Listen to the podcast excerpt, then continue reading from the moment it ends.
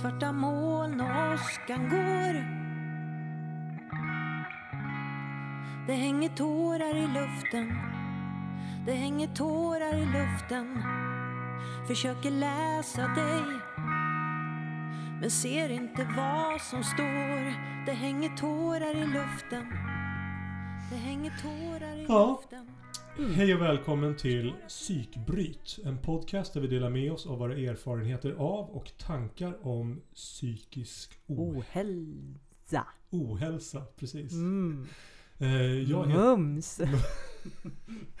Mums. Jag heter Mattias Ljung. Och jag heter Sandra Vilpala. Ja. Sandra, hur, hur mår du idag? Alltså som typ hur är läget eller Ja, ja. Hur är läget? vem är jag idag? Alltså så. Vet du, på senare, alltså jag tycker att den där frågan är så svår, har alltid tyckt. För då, då ställs man inför det dilemmat, så här, ska jag säga hur det verkligen är? Eller ska jag säga det här eh, eh, liksom socialt eh, Ja. accepterade ordet bra? Jag vet precis vad du menar. Ja. Och det där har jag reflekterat över vad det gäller mig själv. För att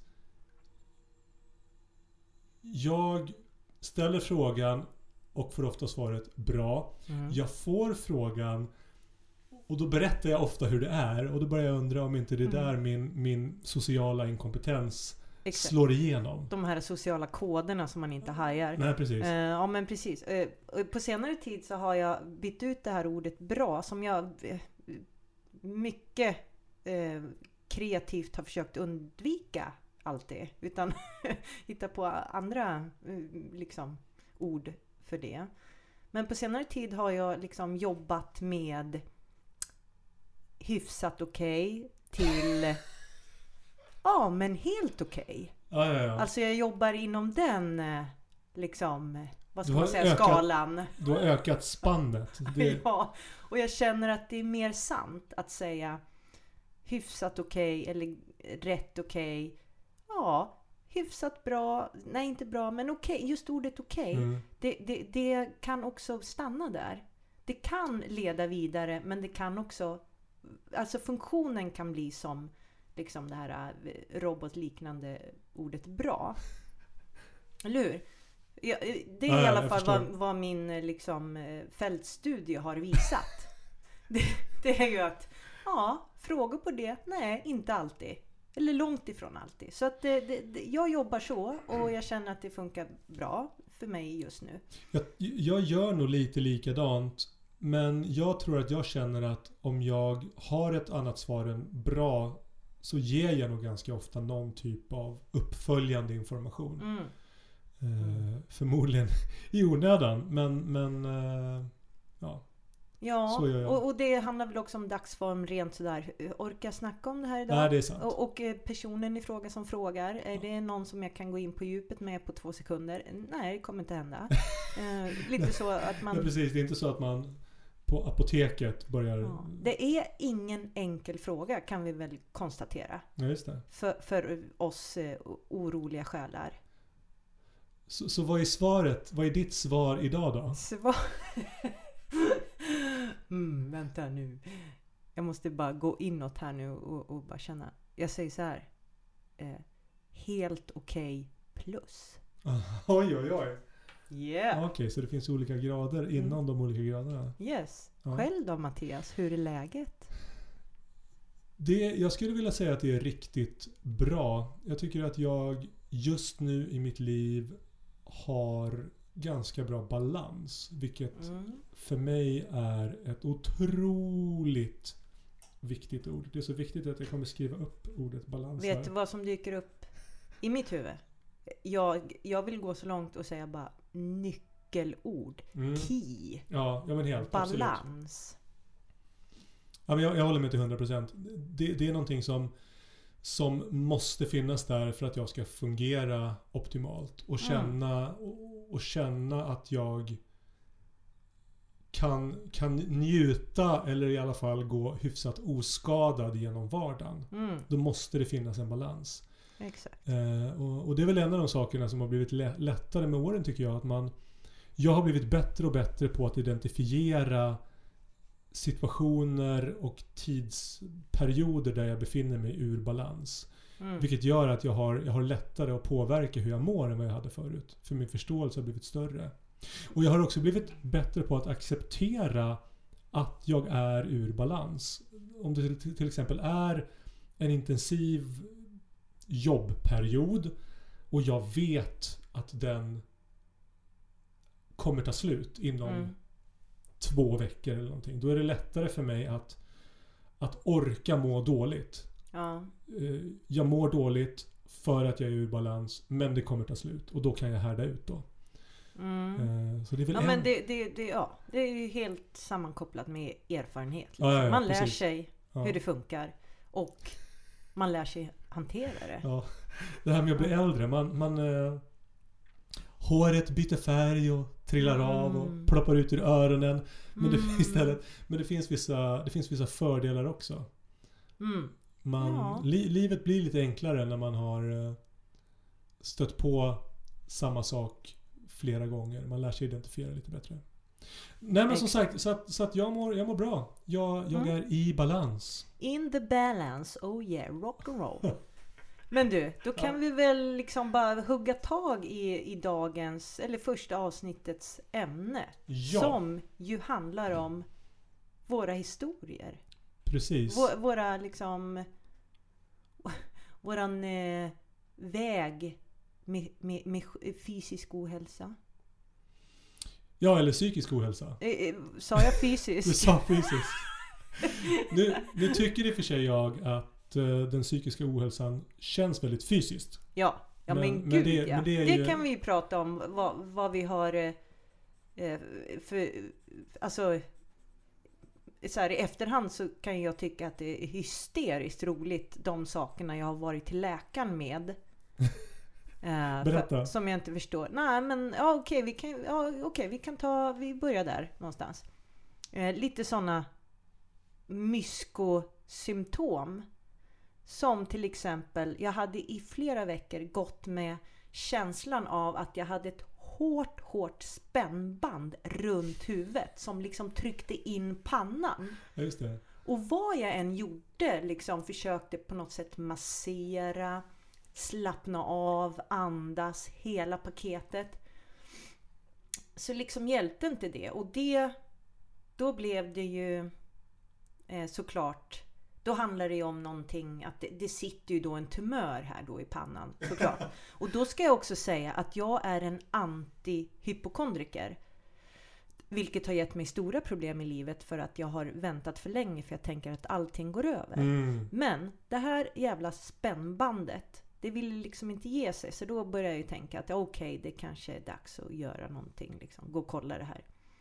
Eh, och då säger ju läkaren ganska snabbt att ja, men eh, det här är ju psykosomatiskt. Liksom. Det, är ju, det här är ju inte någonting... Eh, ja, det är ju ingen fysisk åkomma Mm. utan det är ju ett symptom på ångest. Nu, nu sitter du och kollar här på din mick och undrar. Jag känner mig Ja. oerhört... Eh, Jaha, har jag vänt den bak och fram tänker jag. jaha, okej. Vad händer om jag gör så här? Oj! Oj, det blev ett väldigt annorlunda ljud. Ja, vad bra. Så här ska det vara. Okej, ska jag vända på min också och se vad som Nej men, händer nej, där? men du, du låter ju sådär fin redan innan. Okej. Oh, ja. ja, men helt enkelt, kort, kort och gott så, så berättade läkaren för mig att det här handlar om ångest. Eh, så att eh, det, det spänner egentligen inte på din panna. Det, så Mm. är det. Och när jag gick därifrån så släppte det. För att jag bara fick bekräftat vad det var. Och då, då kunde det liksom bara leave me. Mm. Och sen, ja, och lite annat. Vilken härlig känsla. Jättehärligt. Eh, Men det är just det där att det kan verkligen ta sig fysiska uttryck, Mm. ångest. Ja, jag, jag håller med helt. Jag håller med. Mm.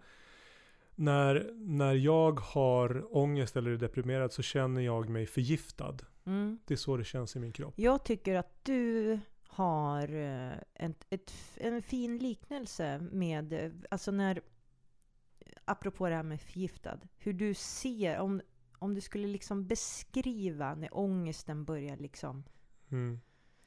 mm. För, mig, för mig så känns det som om den är ett ett ont träd eller en parasit som, som växer i mig och, och sträcker ut sina svarta, kladdiga tentakler i hela, i hela mig.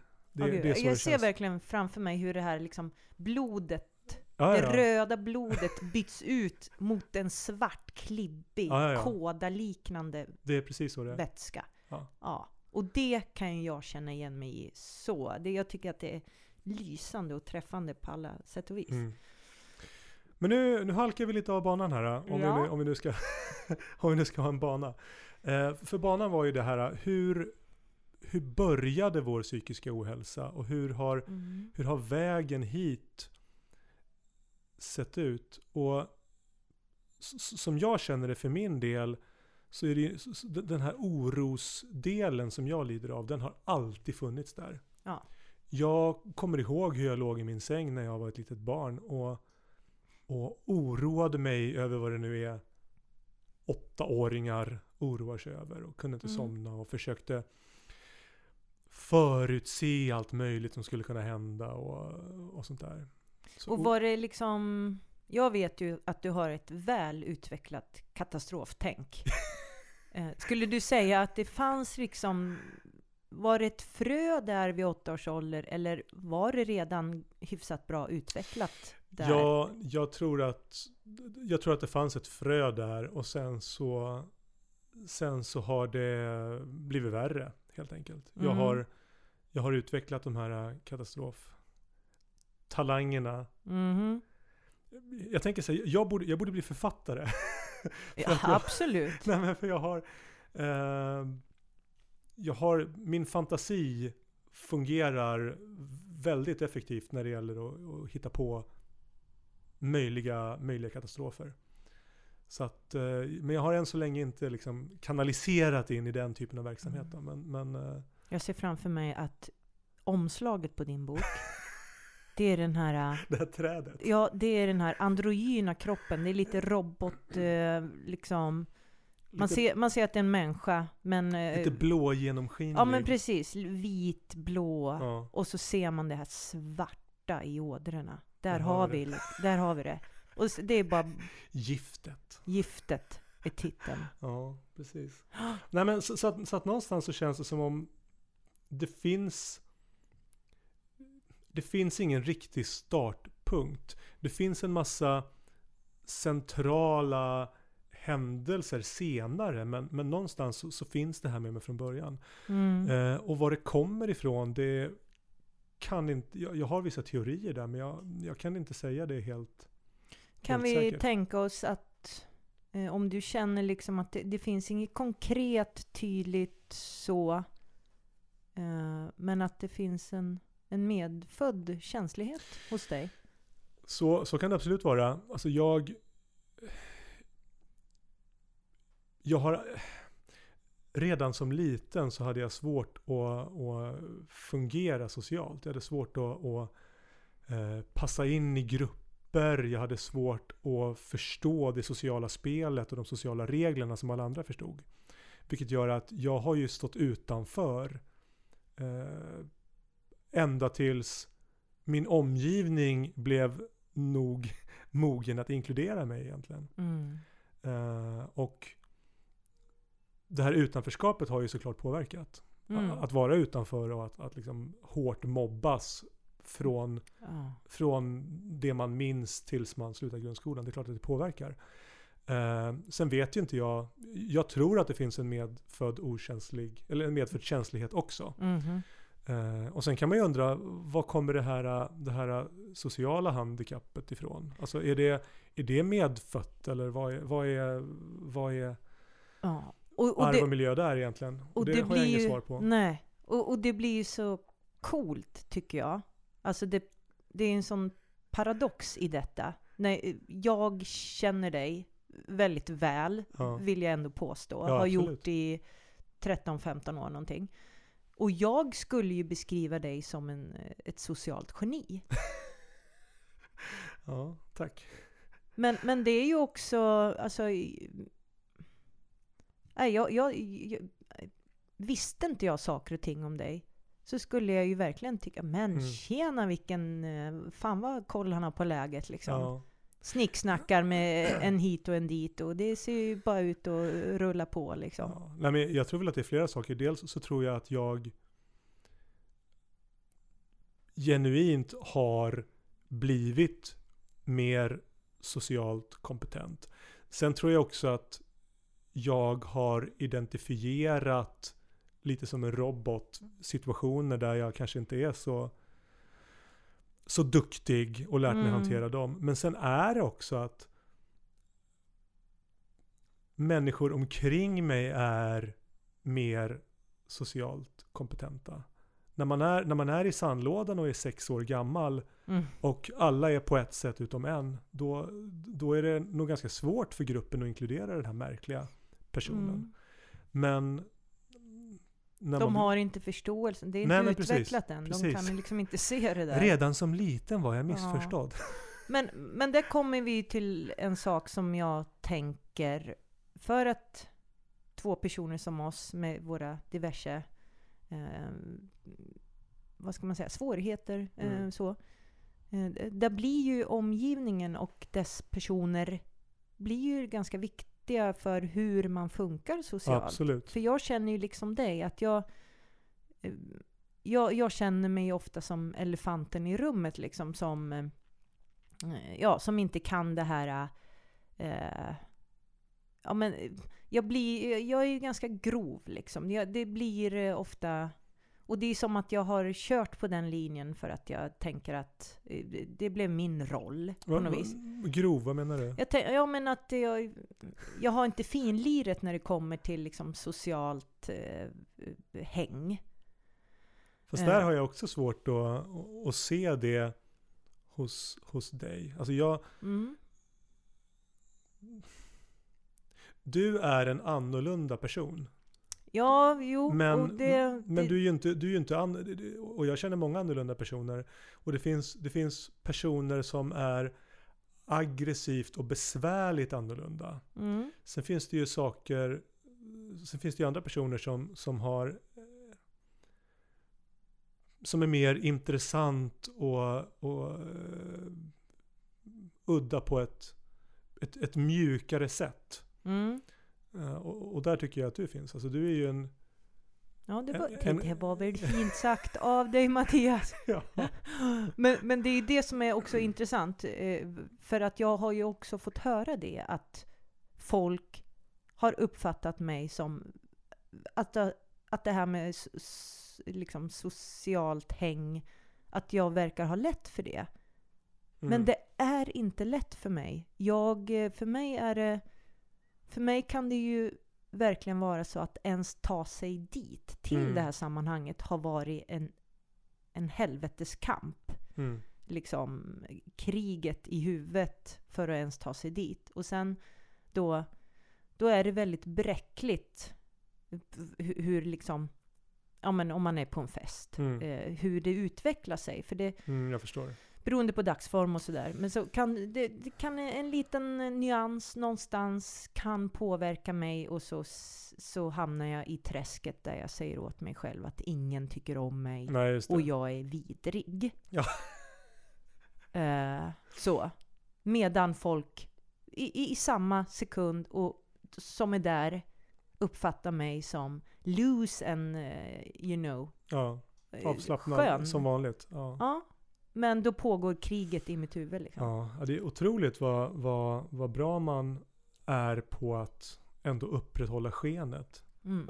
Eh, och det är lite synd att man gör det, att man måste göra det också. På tal om det sociala spelet. Att, fast, fast samtidigt så är det väl så att man kan inte man kan inte bara kollapsa till höger och vänster heller. Nej, och för det, det ingår ju lite av våran... eh, Det kommer ju från grottan och gruppen och att eh, Ja. för att överleva måste man ha eh, flocken liksom. Ja, så att det, det, det är ju därifrån det, det... Det är därför det finns de här sociala koderna överhuvudtaget. Mm. Även om de kan bli rätt skitnödiga emellanåt. Jag tycker att det finns en massa normer där som är bara... De kräver att bli brutna. Och, och där kommer väl jag in ganska bra ja, jo, på det, det kan man väl säga. spåret. Så, så att, Men vi har väl olika uppgifter här i livet. Ja. Men, men hur startade det för dig då? Mm. Ja, det här med, med mm. ohälsan? Jag skulle väl säga att jag eh, då har ett mer konkret, alltså vad jag kan se, en ko konkret eh, tydlig anledning till att jag tidigt eh, fick det jobbigt. Och det är för att jag växte upp i ett missbrukarhem. Hmm. Eh, och där, där, eh, där blir det ju snabbt så att mina behov, vad jag behöver, Mm. det slängs ju åt sidan. Eh, och hela min eh, liksom tid här på, på jorden, alltså när jag, från att jag liksom var väldigt liten så handlade, så handlade livet om överlevnad och att eh, se till att i mitt fall mina föräldrar eh, Ja, det finns något som heter medberoende. Mm. Och som barn så, så, så finns det liksom en del givna saker. Man, man eh, instinktivt så, så skyddar man sina eh, ja, föräldrar. Och, eh, vilket innebär att man ljuger och man eh, mörkar och man håller på. Så att, okej. så att jag var ju ganska tidigt utanför min kropp liksom. Hmm. Eh, och det har ju följt mig i livet. Eh, att, eh, att jag inte har lyssnat på mig själv. Eh, och som jag berättade där i, i våran avsnitt 0 då, där vi presenterade varandra eh, lite snabbt och, och hela programidén. Eh, så är det ju att... Eh, nu tappar jag tråden. Vad sa jag nyss? Du pratade om medberoende. Du pratade om... Eh, Ja, mm, att förmin, eh, för, inte förminska sig själv, men att inte... Ja, men det handlar... Ja, alltså som jag ser det. Grund och botten så handlar det om en total övertygelse om att jag inte är värd att älskas. Och därmed Mm. så blir mitt liv, eh, min programmering, det påverkar allt som kommer i min väg. Liksom. Ja, just det. Och jag har faktiskt bara precis nu börjat förstå att, alltså på riktigt, Mm. förstå att jag är värd att älskas. Precis som varenda människa. Jag är inget undantag. Mm. Så. Men det har tagit så lång tid. Jag är 42 år. Ja. Så. Så att... Eh, ja. Men då finns det ju, då finns det ju liksom påtagliga... Eh, det finns påtagliga anledningar i din bakgrund. Ja men precis. Och, att- s- och sen, sen kan man ju fråga sig, om jag hade växt upp i ett välfungerande hem, hade jag ändå liksom haft en större känslighet eh, och ändå haft problem Mm. med, med depression, ångest och så vidare. Men man kan ju säga så här att eh, eh, uppväxtmiljön har ju inte hjälpt Den- till, så att säga. Nej, Utan det har ju, knappast. ja. Nej men jag ser det ju tydligt. Men jag kommer ju aldrig få veta vilket som... Och, och det är ju Nej. skit i samma. Vad spelar det för roll? Man måste ju se, okej, vad har vi att jobba med här? Och Ja, vad gör precis. vi åt saken? Men, men hur hade du, för att det låter ju som om vi har haft lite, lite bakvända förutsättningar då. För att jag kände ju någonstans att jag upplevde ju kärlek och stöd hemifrån. Mm. Det fanns ju alltid där. Och sen, så, och sen hade jag ju alltid en, en mindre handfull kompisar. Så det var ju aldrig det att jag var helt isolerad. Men, men just den stora gruppen, den stora gemenskapen, där var jag i bästa fall utfryst. I Ja. sämsta fall fysiskt eller liksom psykiskt misshandlad egentligen. Mm. Eh, men, men för dig så, hur hade du det då rent, rent med kompisar och så, i, i, i gruppen så då? Var det någonting som... Ja, det, det är ju vad jag tackar min lyckliga stjärna för. Det var ju att jag hade ju mitt crew, mitt kompisgäng. Mina brudar som var, alltså... Ja, nu vill jag lite börja gråta när jag tänker på det, men för jag... Uh, Man får gråta Ja, i, ra- i, radio, eller jag på att säga, som det här var radio. ja. Nej, men jag har ju fått den stora insikten ganska nyss. Jag går ju nu i en terapi, en traumaterapi äntligen, 42 år. Eh, Mm. Nämnde jag det? Att jag är 42 år? Well, anyways. Eh, nej men då framkom det och det slog mig som en fet slägga i huvudet. Vikten av det faktum att jag hade såna otroliga vänner. Som Mm. Vi backade varandra i vått och torrt. Vi var fyra, fem eh, kompisar som liksom, vi gjorde alltihop och vi... Det var liksom in till döden Mm. så. Eh, så att där hade ju jag min grupptillhörighet, Mm. liksom, min trygghet. För att så mycket annan trygghet fanns ju inte. Nej. Och jag levde ju verkligen eh, i utanförskap, om man säger, samhällets utkant liksom. Framförallt så, så, så kände jag väldigt tydligt att eh, min familj tillhör ju inte liksom normen. Ja, ja. Det här sticker ju ut och det här ska vi för allt i världen dölja så mycket vi bara kan. Så för min del blev ju skolan extremt viktig. Mm. Det var en fast och, och tydlig och trygg punkt. Ja. Liksom. Eh, I motsats till dig då. ja, Skolan ja. måste ju ha varit helvete för dig. Eh, ja, alltså jag, jag var väldigt duktig i skolan. Ja, men jag Eh, och tänker men, rent- men rent socialt så, Ja. var, det ju, så var, det ju, var det ju fruktansvärt. Mm. Eh, jag kommer ihåg att och där känner jag, jag kan känna mig lite svikt, eller ganska mycket svikt av skolan. Jag kommer ihåg Mm. att jag, jag, hade ett, jag bröt ihop på skolsyster någon gång. Ja. Eh, och eh, började liksom prata om hur min situation var. Det här, det här var på högstadiet någon gång då. Mm. Eh, och, och, då Så var pass det, sent ändå. Det Ja, var ja. högstadiet och då Ja, hade det precis. ändå varit hela skolgången som du... Mm. Ja, ja. Eh, och, då, och då var det ju liksom, det var ju, det var ju fysiskt våld mot mig då. Alltså, eh, och jag, jag minns jag, jag minns att jag på hennes inrådan började anteckna vad det var som hände under dagarna.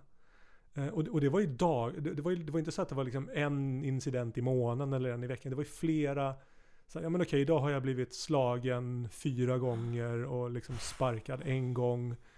Och det var, Har du kvar de här Nej, det har jag inte. Det har jag inte. Men det som hände sen var att den här, den här skolsköterskan var en person som brukade skrika varg. Mhm. Eh, vilket gjorde, eh, alltså vargen kommer, vargen kommer. Ja, ja, ja. Mm. Eh, och nu när vargen faktiskt var där så var det ingen som lyssnade. Så att jag fick ju liksom aldrig någon hjälp för att hennes, hennes trovärdighet var ju, var ju så urholkad. Då. Mm. Så att det här, det här gick ju då från henne vidare till, till lärare och så, men, men det, det hände ju liksom ingenting. Det hände Och- ingenting. Nej, och jag fick bara säga, ja, men inte ska du skriva upp hur ofta du blir slagen så. Ja, men döda mig. Alltså, Ja. ja. Så att, eh, nej men alltså jag, jag kommer ihåg att när, eh, när man började sjuan så fick man en bibba med, eh, eller förlåt, när man började ettan när man var sju år. Så fick man en bibba med informationsblad från alla idrottsföreningar. Åh, kom och börja spela fotboll, hockey, vad det nu var. Mm. Eh, och jag tog, jag gjorde valet vid sju års ålder jag behöver börja med brottning för att jag behöver kunna försvara mig. Åh. Vid sju års ålder då. Ja. Så, att, så, att, så att redan så tidigt var det ju egentligen. Då. Bedrövligt. Sen, sen utnyttjade jag det inte, alltså jag, jag slogs en fyra, fem gånger i skolan. Mm. När, när jag, eh, alltså i högstadiet, när jag liksom någonstans fick nog. Annars, tro, trots att jag, annars så tog jag smällarna bokstavligen.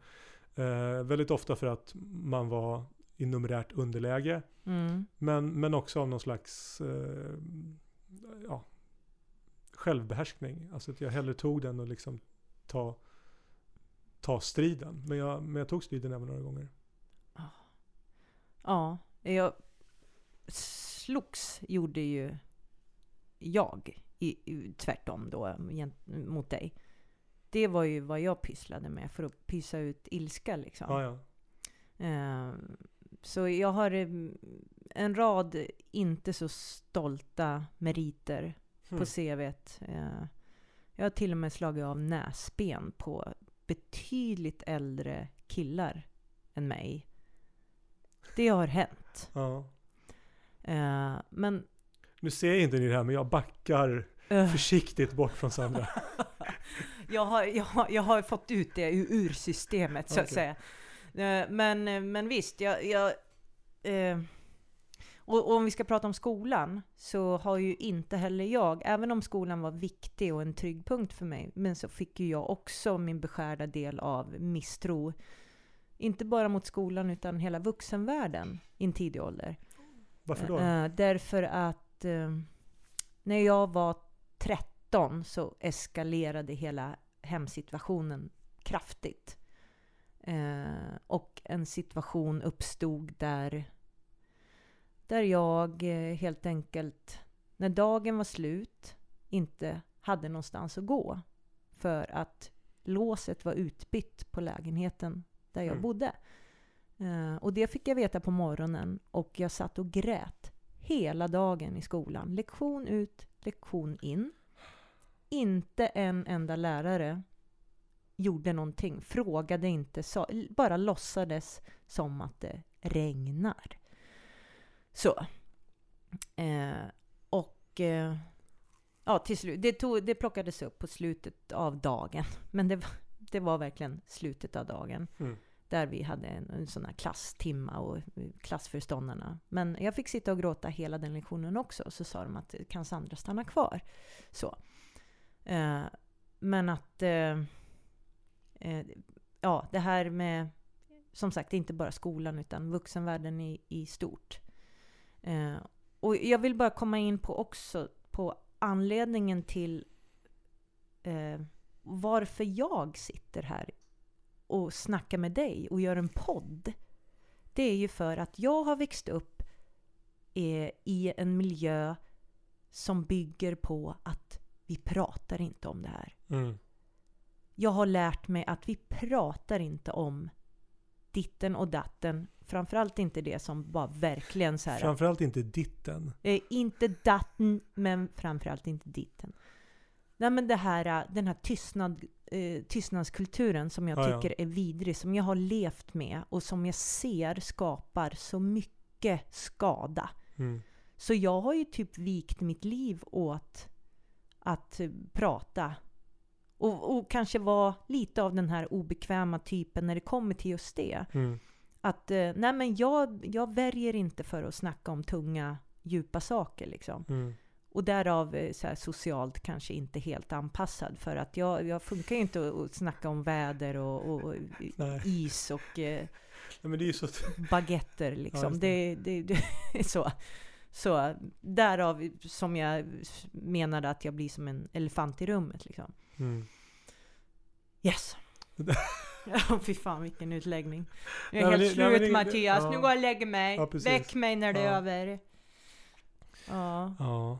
Hur tar vi det vidare från det här? Du har ju, gjort ett, du har ju punktat upp här så fint, ett ja, litet jag- papper med... Ja men precis. Nej, men jag, jag kan ju berätta lite, alltså, jag kan berätta lite om mitt, om mitt nästa steg då. För att jag Mm. levde ju med den här eh, Eh, jag levde ju med den här eh, oron och den här ganska lätta ångesten från så tidigt jag kunde eh, liksom komma ihåg. Då. Men, men sen då när jag var liksom i mitten av 20, 20 års ålder, alltså 25, 26, 27 så började det bli någonting djupare och mörkare av det här. Jag började bli deprimerad. Jag hade varit, jag hade varit singel i, i, i väldigt många år, vilket, vilket åt på mig. För att jag, man vill ha kärlek, man vill ha bekräftelse. Och jag tyckte inte, jag fick ingenting och, och det bekräftade ju den här känslan av att inte ha ett värde. Mhm. Och sen kommer jag ihåg, jag, jag var eh, i min lägenhet, jag kollade på TV. Det var ett avsnitt av Ally McBeal, kommer du ihåg Ally Oh McBeal? yes, Ja, yes, yes. den här yes. spaghetti-tunna blonda advokattjejen. Ja. Det var, det var, jag kommer inte ihåg vad avsnittet handlade om, men det var någonting Det var någonting eh, sentimentalt och jag bara bröt ihop och bara låg och grät i min soffa. Eh, det var någonting som bara brast eh, och jag ringde min, eh, min kusin och, och bara hävde ur mig. Och, och, och för mig så var den tidpunkten liksom starten på min första riktiga depression. Det var förmodligen inte Mhm. starten, men det var liksom då som jag på något sätt bröt igenom ett annat tillstånd. Det var då jag insåg att det händer saker i mig som är väldigt kraftfulla, väldigt negativa och jag kan inte hantera dem. Jag, jag, Det, det, här, är för mycket. det, det är för mycket Ja. helt enkelt. Mm. Eh, Så, så att det, det är på något sätt en milstolpe det här Ellen McBeal-avsnittet då. Eh, Men, ja, okej. Intressant. mm. Att Alec McBeal hade liksom Ja, Ja, men, del det, nej, i men, detta. ja, men om, jag, om jag skulle gissa så var det förmodligen någonting, alltså någonting, något sentimentalt om tillhörighet, Ja. samhörighet, någonting. Mm. Ja, som, som, det var som en gjorde knapp min, som trycktes på helt ja, enkelt. som fick min känsla av att vara övergiven, eh, då fick den, att den känslan blev starkare. Då.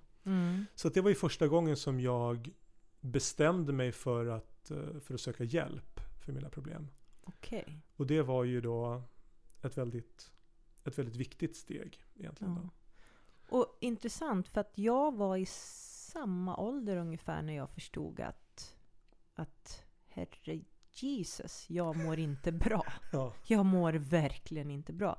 För jag ser det som så att jag ja, fram till, ja, jag kanske var, ja, jag måste närmare 25 i alla fall. Mm.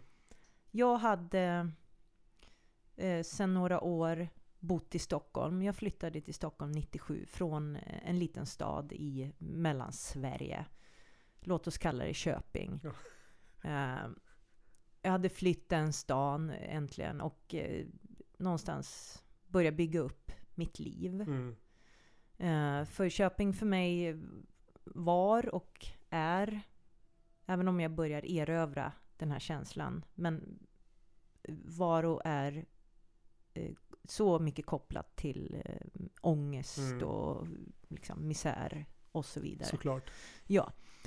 Nej men så jag hade bott i Stockholm i några år och hade väl någonstans mm, lite landat eh, i, i att vara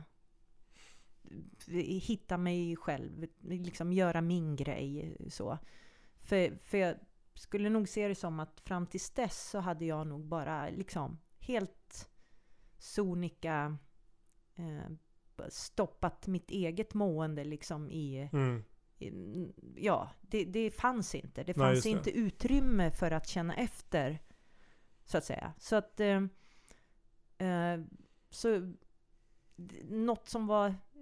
Då hände ju något extremt konkret och det är det jag ser som att okej, det var eh, wake-up call. Mm. Och det var ju att jag, jag, jag helt och fullt bara totalt gick sönder mitt på Drottninggatan i centrala Stockholm och fick åka taxi till eh, Sankt Görans psykakut. Oj.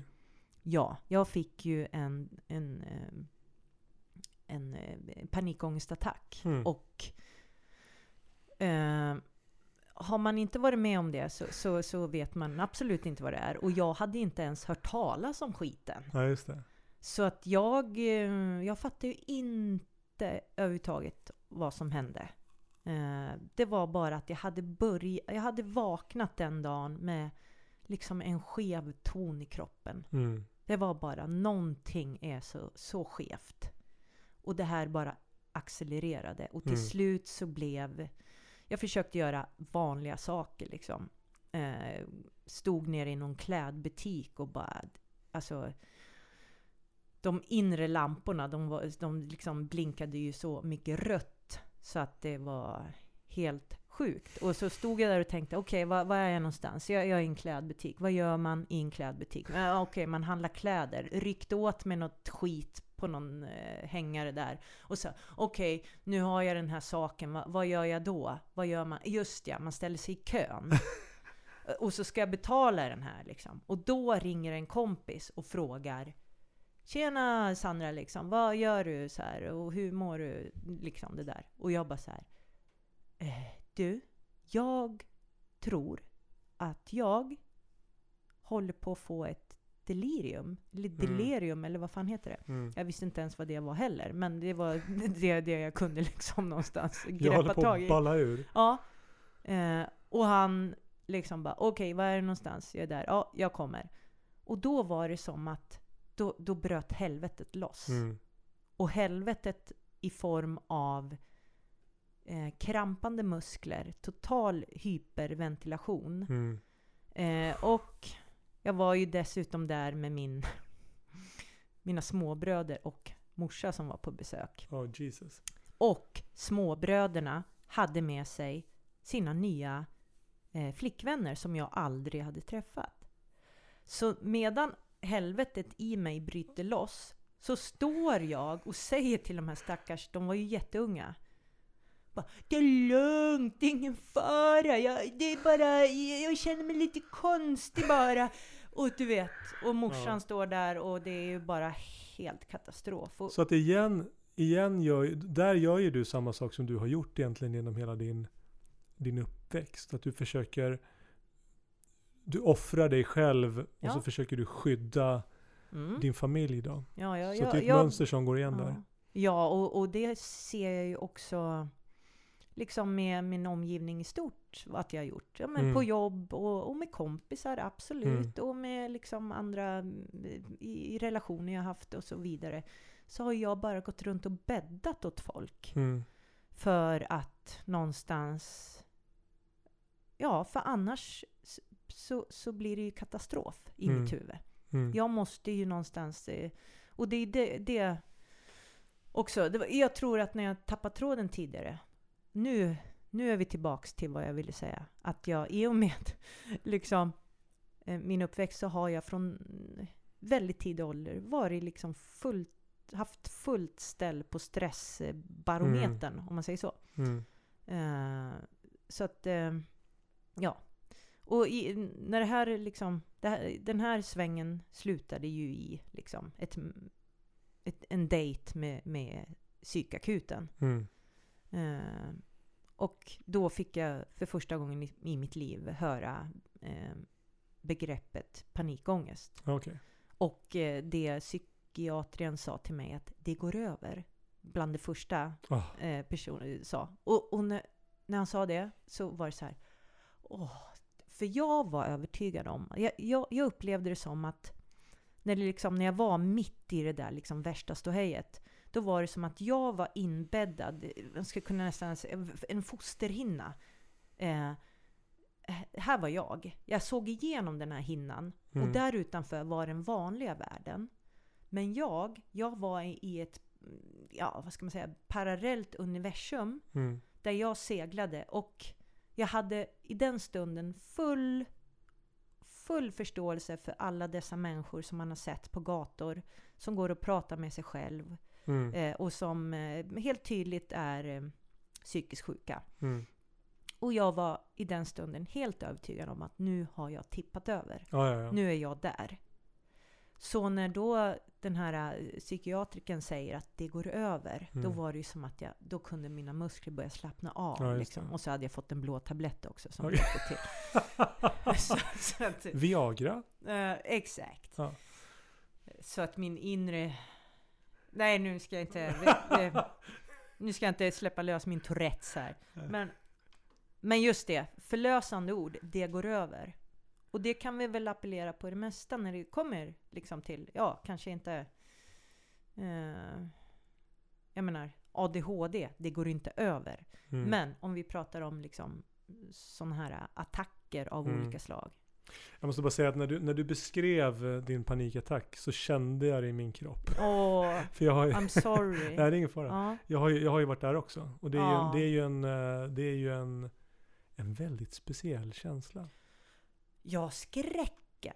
Skräcken jag upplevde där. Och den totala maktlösheten. Ja. För mig är det som om jag... Alltså för mig är det maktlösheten som, Ja. som är det värsta. Den här känslan av att ens kropp och hjärna man, man är kapad. Man är, man är Mm. under någon kontroll. Man kontrolleras av någonting annat. Ja, det är Eh, aliens som har kommit ja, och liksom absolut, plockat absolut. upp en i, i rymdskepp och dragit iväg. Ja. Liksom. Men, eh, men eh, den här totala, ja, men totala maktlösheten, totala förlamningen, den här känslan av, känslan av att drunkna, känslan av att inte kunna, inte kunna andas. Mm. Känslan av att alla det är som om, alla, det det är som om, som om intensiteten på alla känslor och alla tankar är satta på max. Ja, bara Som skruva om- upp volymen Ja, på det visst. bara. Så att det, Disco to 11. ja, precis. Det Yes. ylar i huvudet, det ylar i hjärtat, det Ja. ylar i hjärnan, det ylar i kroppen. Det, det, det är väldigt, väldigt speciellt i det. Och som någon då säger, ja men lugna ner dig. Ja men det, det, det hör vi ju, det är ju det, det, är ju det. Det Ja. måste ju ridas ur. Jag, jag kan inte bara säga jaha, åh, ska jag lugna ner mig? Tack Ja. för tipset! Ja, precis. Ja, nej, nej, nej så. precis. Nej, men maktlöshet. Den, den Mm. totala maktlösheten man känner. Mm.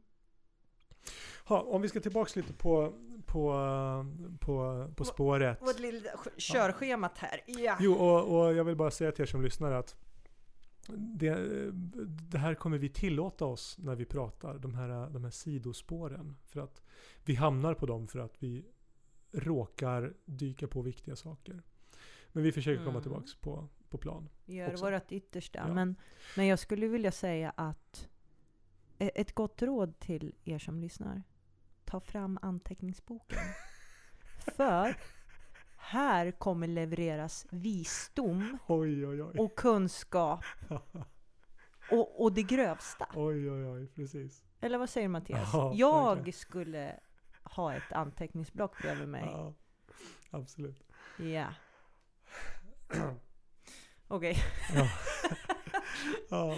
ja, men jag tänkte på nästa, nästa kapitel, eh, eller egentligen då sista kapitlet här i min resa. Då hade vi, då hade vi haft en, en, en, eh, en barndom med oro och ångest och sen så hade det då, kulminerat i den här eh, Ellie McBeal-inducerade depressionen. Mhm. Eh, och, och sen dess för mig, de senaste då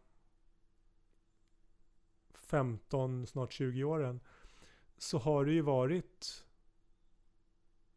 återkommande eh, oro, ångest, utbrändhet, depression, panikångest. Det har ju liksom kommit Om vartannat. om vartannat och, och, och bytt av varandra. Och, och jag tycker väl som jag, som jag nämnde, jag vet inte om det, var, om, om det var i episod 0 eller här som jag nämnde att jag tycker nog att det egentligen har blivit värre snarare än bättre Men med du, åren. Bortsett, från, bortsett nu från de sista egentligen typ tre åren. Men, men Ja. fram tills dess, tills en bit efter 40 så har det egentligen bara ja, för, för, min upp, eskalerat. för min upplevelse är ju att idag, Mattias, så känns det ju som att du är på en stabil plats. Ja.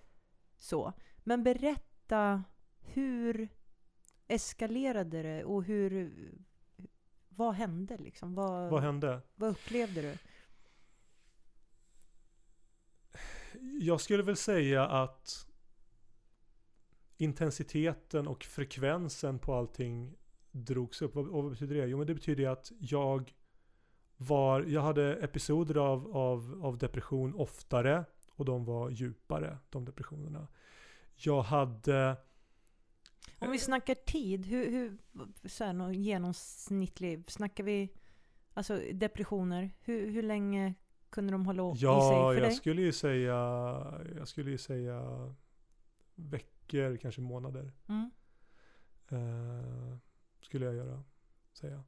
Eh, och, och, och sen, och sen eh, en, en gradvis påsamling av stress under många, många, många, många, många, många, många år. Mm. Eh, och parallellt med stressen en förstärkt oro och oron till en förstärkt ångest. Och, sen, så, så att, eh, och jag vet inte varför jag upplever att det har blivit värre, eller att, att det blev värre, men jag skulle eh, Alltså jag, jag tror ju att det har det, det kan ju vara något biologiskt Mm. men, men jag tror att det är just det att, att, att livssituationen som jag var i då med, med jobb och, och sånt där. Allt det där påverkar Ja, ju ja att, att det gav mig liksom ingen, ingen eh, jag, fick aldrig, jag, fick aldrig, jag fick aldrig tiden eller utrymmet att, att komma ner i varv utan, utan det, bara, det bara drev på. Mm. Och, och ju mer saker driver på desto känsligare blir man och då, Mm. då hamnar man lättare i de här eh, nedåtgående spiralerna och då blir man ännu känsligare och det är liksom det det föder varandra på något Ja, sätt. de. Och då, då det, det, det blir glasklart här för mig. Eh, vi går tillbaks till nyckelordet balans. Ja, ja men absolut. För absolut. det är ju helt Ja. tydligt så att det, du, det var ju obalanserat. Och, och jag var ju tvungen, eh, om vi nu ska liksom avrunda min historia här, så, att, så, så kom jag jag kom, jag, jag kom till min sista panikångestattack Mhm. och låg där efteråt och liksom svettades i efterdyningarna och var helt utpumpad. Mm. och kände att jag kan inte fortsätta på det här sättet. Jag kan inte fortsätta att bygga upp mig själv och sen krossas. Och bygga Mm. upp mig själv och jag orkar inte det här längre. Mm. Eh, Berg och dalbana ja, nej men det, det, det, åket. Liksom. nej men visst det går inte. Så att för, eh, ja om det nu är tre år sedan då, så började jag äta ångestdämpande medicin. Mm. Eh, och det gjorde ju att jag fick... Det första som hände var ju att jag fick en chans att vila upp mig från, Mm. från de här eh, skoningslösa attackerna. De kom ju inte längre. Ja. Du fick semester, Jag från, fick semester. från dig Ja. själv där. Ja men precis. Mm. Eh, och- när jag fick semester så, så man, man får ju liksom energin, man får energi tillbaka. Man Mm. får utrymme i sin hjärna och i sin själ för annat än, än bara liksom upp, upprätthållande verksamhet. Då. Mm. Vilket ledde till att du ju gjorde kraftiga förändringar Ja, ja, ja. i ditt liv. Absolut. Precis. Jag, jag har en helt annan... eh, Jag fick kraften och orken att ta, ta makten över, över, min, över min tillvaro, över, över mitt arbete, över vad jag jobbar med och, och, och så. Mm. och kunde göra förändringar eh, som idag gör att, att jag har mycket lättare att, att upprätthålla den här balansen. Jag, jag styr på ett annat sätt än min tillvaro. Mm. Jag är inte eh, slav under andra på samma sätt. Jag styr, jag styr över min tid, jag styr över vad jag gör. Mm. Eh, och det gör ju att jag, jag mår mycket, mycket, mycket, mycket bättre Mm. idag än vad jag gjorde förut. Och det är ju just det också att när man är i det där allra värsta, då är man ju inte kapabel till att göra några större förändringar. Nej, det går inte. Även om man kanske inser att nej, men jag, jag kan inte göra det jag gör idag, eh, bla bla bla, hej babribba. Nej, men jag, lit, jag litade inte på mig, för, för jag, jag förstod, när jag väl tog beslutet att, att sluta på mitt arbete, Mm. så hade jag ju funderat på det i flera, flera år. Mm. Men jag litade inte på mig själv. Nej. Jag, jag var så pass medveten om det skicket jag var i att, att, att jag... Vad jag tänkte var det här, jag vet inte om det är mig det är fel på eller om det är min arbetssituation det är fel på eller om det är båda. Exakt. Och det betyder ju att om det, är, om det är mig det är fel på och jag slutar mitt arbete så kommer ju jag följa med till nästa jobb. Exakt, det försvinner ju inte. Nej, men utan precis. Liksom, nej. Så, att, så, att, så att jag var ju tvungen någonstans att komma till en punkt där, där jag var där, där jag kunde ta ett, ett korrekt och klokt beslut. Och det var att krascha fullständigt. Ja, Det var ju det som krävdes. Ja. Jag, var ju tvungen, jag var tvungen att damma i gatan ordentligt Det- för, ja. att, för att... Och och det, var- och det, var så enkelt, det var så enkelt någonstans. För, att, för någonstans så hade jag ju fightats emot det här att äta medicin. Mm. Eh, Jag ville inte göra det. För du hade ju en dålig tidigare erfarenhet av det. Ja, det, ja, men det hade jag. vet jag ju att du har pratat mycket om. Ja, och, och jo. liksom, Eh, Jo men det hade jag. Jag- Jag hade en erfarenhet där jag kände att jag inte kände någonting. Eh, du blev helt eh, Jag blev, bortdomnad. Ja men precis. Och det, och det ville jag skallen. liksom inte rå- råka ut för igen. Men, men, men efter den här äh, sista panikattacken så var det ju så att, ja men jag... Blir det så, då får det vara så. Jag har liksom inget val. Den här, Mm. den här tillvaron, den här situationen jag är i nu, det här är inte hållbart.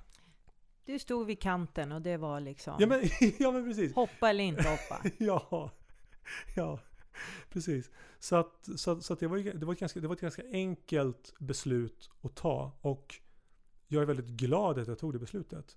Och Mm. de förändringarna som jag har kunnat göra. Nu är jag ju, ja, idag ser det helt annorlunda ut. Då vill jag, det, det funkade ju i, i den här tiden på i livet för dig så funkade det bra med medicinen Ja. och sådär. Men jag vill ändå slänga in ett litet sånt här tjoho där. För jag är inte av den åsikten och tror verkligen inte att det är rätt svar för alla.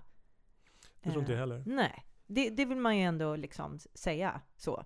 Och eh, medicin har ju också räddat mig och styrslat upp mig eh, vid ett väldigt kritiskt tillfälle. Så att jag håller ju med om det. Mm.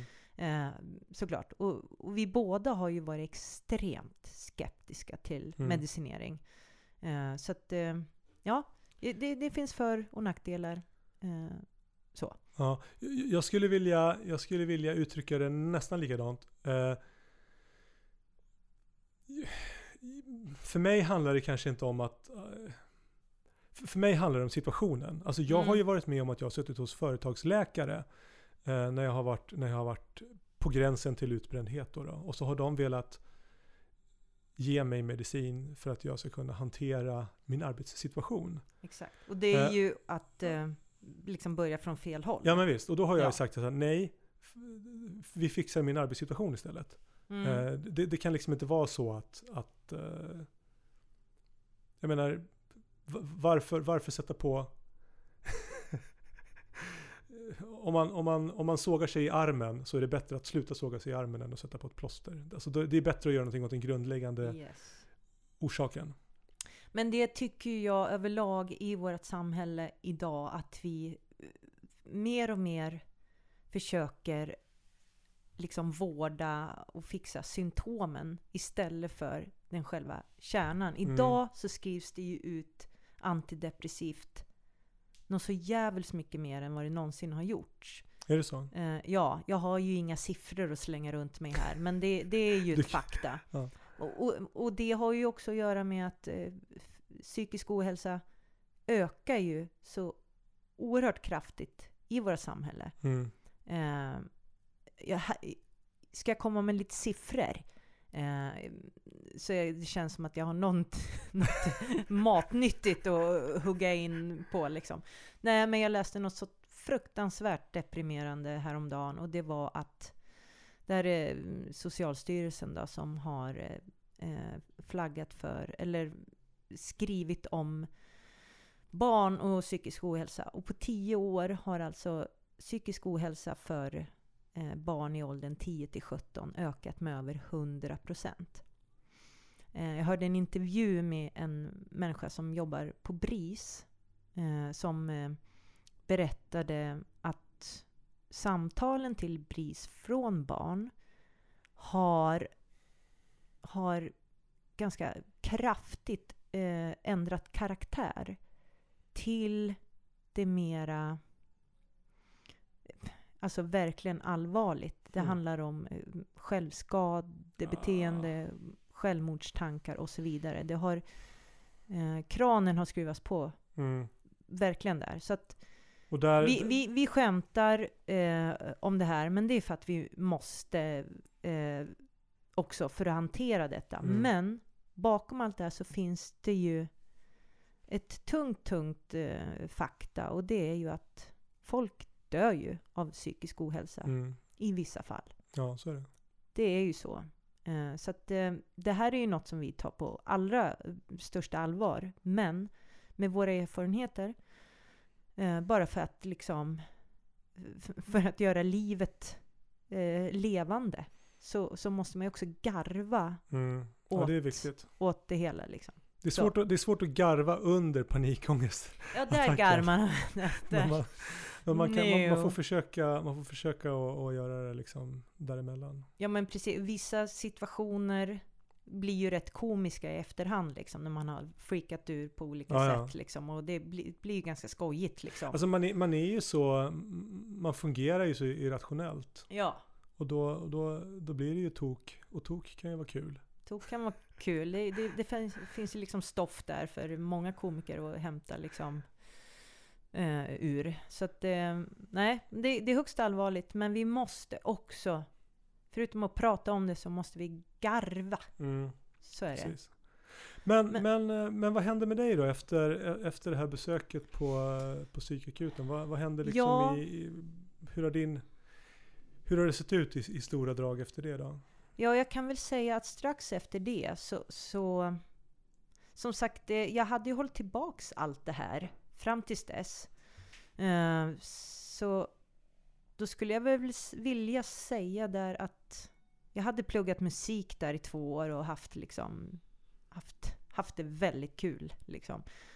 Och sen kom den eh, krassa verkligheten. Jag, jag hade gått ut plugget och eh, tog något jobb på ett café. Eh, och så kom liksom den stora depressionsväggen. Eh, min första egentligen riktiga depression skulle jag säga. Problemet var att jag inte förstod att jag hade en depression, vilket ju är väldigt vanligt. För det, det, det, liksom, det är inte bara en morgon man vaknar och så är man under den här blöta eh, yllefilten och ser ingen, eh, liksom, hittar inte ut. Utan det smyger ju på liksom. Så, så att eh, jag hamnade i mitt liv under ett halvår såg ut så här att jag med nöd och näppe tog mig till jobbet varje dag, lyckades genomföra en arbetsdag, tog mig hem och la mig under täcket. Mm. I ett halvår. Det var vad jag gjorde och ja, allt var ju bara svart och livet var inte värt att leva liksom. Eh, och jag förstod inte. Eh, och när man är så låg så är man ju som sagt, som vi var inne på, man är ju inte i man är inte kapabel att göra någonting åt saken. Mm. Och framförallt inte när det är första gången man har hamnat i, i det här tillståndet. Liksom. Så ja, men så, så smått efter ett halvår ungefär så det kanske blev vår, jag minns inte. Men mm. så började jag liksom ta mig uppåt och, och liksom började orka göra annat än att bara åka fram och tillbaka till jobbet. Liksom. Så, så jag minns att jag hade varit och hälsat på en kompis, eh, skulle ta bussen eh, och stod utanför en mack och såg att oh, det är 20 minuter tills bussen går. Gick in på macken och bara stod och glodde på liksom, tidningsstället där inne. Och så fastnade mina ögon på någon rubrik där på någon tidning att så här, tio eh, säger, tio eh, tecken. tecken på att du lider av depression. Av någon anledning så fastnade jag på det och bara öppnade tidningen och så bara tio påståenden, eller vad man ska mm. säga, tecken där. Bara, jag bara bam, bam, bam, bam, bam, bam, bam. Och så bara alright. Jag har alltså, eller är deprimerad. Det var som fan. Så.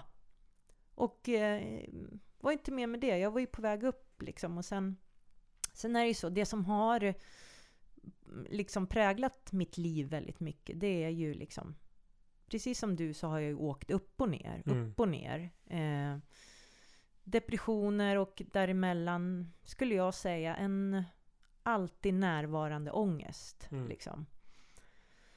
Som, som liksom, ångest styr en ju i det mesta man gör. Eh, i, I mitt fall Eh, eller i många fall så kan det faktiskt få en del positiva effekter. Och det ska jag utveckla för dig här nu, för du ser ja, lite tack. skeptisk ja. Nej men eh, vad jag märkte eh, sådär var att om jag gör saker så kan jag någonstans hålla liksom mota Olle i grind. Mm hålla ångesten i schack. Om jag fokuserar på någonting som jag tycker är kul så, så kommer jag undan lite. Och i, i mitt fall och även i ditt fall så är ju musik mm. eh, och jag gillar ju även andra kreativa eh, grejer som att eh, måla och vi båda skriver ju mycket. Jag har ju alltid skrivit i olika former. Eh, och sen blev jag ju låtskrivare. Men, så, och det blev ju så att det genererade ju jävligt många låtar mm. och väldigt många texter och det blev en del tavlor och teckningar och, och liksom så. Eh, så det är ju positivt, men nu ska jag slänga in den där lilla brasklappen. Det är ju att jag ser ju också att det är en flykt. Ja, ja, ja. Både liksom, konsten har varit en terapi samtidigt som det har varit en flykt. Mm. Så. Och, och någonting man gör för att, för att för att inte ge ångesten utrymmet att hugga tänderna igen. Ja, och också så blir det ju så att man tar inte tag i själva problemet. Nej, utan man fintar bort det. Nej, just det. Ja, Liksom. Man jobbar med symptomen liksom, återigen. Eh, och, och så kan jag se det på, liksom fram tills nu, att jag har ju, jag har ju flytt oerhört mycket. Jag har inte, det är inte förrän nu som jag går i terapi liksom. Alltså jag, jag tycker inte att det är fel att... Problemet tycker inte jag är bortfintandet av, fintandet av ångesten. Om du kan göra någonting så att du inte känner det här hemska så, så, så gör det. Det är liksom helt okej. Gud. Men man får inte, man får, parallellt med det så måste man ju försöka jobba med orsakerna. Ja, men visst. Och det är väl en av de grejerna, alltså det här, med, det här bortfintandet, det, det låter ju lite KBT Mm. KBT-aktigt. Mm. Alltså det, du, du har ett verktyg för att, för att låsa upp det här mentala dödläget. Ja. Och det är ju jättebra att göra det. Men, men sen så behöver du ju få en, en, en större förståelse för, för, för bakgrunden så att, Ja. du kan, så du kan minska. För jag menar, att finta bort det, det är ju också det är ju ett sätt att inte ge det här monstret näring. För vi vet ju att om man grottar ner, alltså det blir ju bara större och större om man låter det få fritt spelrum liksom. Eh, så är det ju. Så att eh, visst. Men, men, men nu ska vi se. Nu, nu skickar Mattias en liten En liten- notering här. En dryg timme avrunda? Ja. Frågetecken. Ja. Ja, vi, vi, vi har alltså spelat in en dryg timme nu. Fan vad fort Ja. det går när man snackar ångest och depressioner. Eh, nej, men jag tänker då att jag ska avrunda med eh, vad som har varit problematiskt för mig. eh, Alltså när, när det kommer till hur jag har hanterat min psykiska ohälsa. Och det är ju kort och gott så. Åh, jag har använt det uttrycket. Jag tror att det är tredje gången. Kort och gott. Jag säger aldrig det annars. Varför? Det, det är podd-Sandra som kommer fram här. Fan. Ja, men hur som helst. Nej, men det, det är svårt att vara kapabel att ta tag i sitt mående när man är liksom nere i, i grottan och, Mm. och, och eh, dribblar runt. Men sen, när jag har liksom varit uppe, för det är ju också det, man har de här djupa, djupa dalarna, men så har man ju de här underbara topparna Mm. som man ju inte vill vara utan. Och när man är där, då är man inte sådär assugen på att nu ska jag ta tag i min psykiska Nej. ohälsa, nu ska jag liksom oj oj oj. Nej, då vill man ju bara surfa på det där härliga. Ja, just det. Och sen så liksom vågen har pikat och sen börjar man åka ner för och då går det ju fort. Mm. Eh, kan göra. Och ibland, ja. Ja, det är alltid relativt. Hej Baberiba. Yes. Men, eh, men så skulle jag vilja säga. Att eh, det har varit problematiskt för mig att jag, och, och tänker jag för många, att när, när tar man tag i det? Jo, Ja, det är när man har smackat in i väggen. Och det har jag gjort nu för två år sedan. Så att eh, det tackar vi för. Och det, och det är väl och det är väl en av fördelarna för mig nu som har som har varit igenom det här varvet några gånger nu. Och, eh, vi kommer tillbaka till balans känner jag. Mm. Att, att, att för mig så är det det som har blivit Key. det är det som har blivit liksom svaret eh, på, på hur jag ska göra för att, för att varaktigt må bättre. Det är att se till att hålla balansen. Mm. Så att, eh, Och det är ju de stora delarna i ens liv. Liksom. Ja. Eh, och, och, och, är, och en stor del, det är ju min passion, det här med mat. Det är ju en jätteviktig del, alltså att, äta bra. Nej men det är ju, ja, ja, ja. du är vad du äter, liksom. Känn på den. Men ja, i övrigt, socialt, eh, jobb eh, och familj och hej och hå.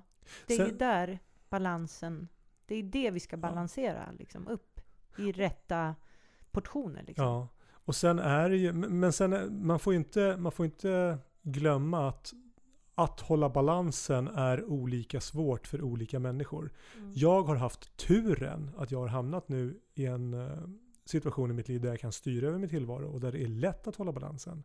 Mm. Men, men eh, det, det är inte säkert att man har den möjligheten. Du kanske, du kanske behöver ha ett heltidsjobb och ett extra jobb utöver det. Och, alltså det olika människors tillvaro ser olika ut. Ja, men då tror jag att man ska jobba med delmål och en slutgiltig liksom målbild på något vis. Ja. Det är vad jag försöker. Jag försöker liksom se vart jag vill någonstans. För Ja. i motsats till dig så är jag, jag är i fritt fall liksom. Mm. Så ser, du, ser min liksom, verklighet nu, ut nu. Jag, jag vet inte alls. Jag, jag halkar på hal- is. Liksom. Intressant för då får vi följa dig här i din... Ja, jag din försöker få resa. ihop bitarna här och det, det, det i dagsläget ser inte bra ut. Mm. Men eh, vi jobbar på det. Ja, spännande. Men, eh, ja, men vi, kanske, vi kanske slutar där då. Ja, och gången. vad säger vi om nästa avsnitt, eh, Mattias? Vi, vi, vi ska ta ett, oss ett eh, svanhopp ner i... Vi, det var ju så intressant för att i, i episod 0 så, så visade det sig att jag och Sandra tänker olika kring eh, depression och ångest. Lite så här definitionerna, hur hänger de ihop och, och. Eller hur hänger de inte ihop? Ja, precis. Eh, så det tänkte vi försöka reda ut när vi hörs nästa gång. Eh, och nu är det väl säkert så att vi kommer prata om lite annat också, men det kommer vara huvudtråden. På samma sätt som att huvudtråden idag var vå- våra, våra sjukdomshistorier, Mm. Sandra och Mattias från start till idag. Och det, är Yes. väl, det är väl ungefär det som ni har fått. Jag tycker att vi fick ihop det. Vi, vi, vi började någonstans och, och, och slutade Sluta någonstans. någonstans. Ja, Eh, och, all good. Ja, precis. Så eh, tack för att ni lyssnade. Ta hand om er och vi hörs snart igen. God eh, eh, psykisk hälsa, vänner. Adjö. Adjö. Det hänger tårar i luften. Det hänger tårar i luften. Det hänger tårar i luften.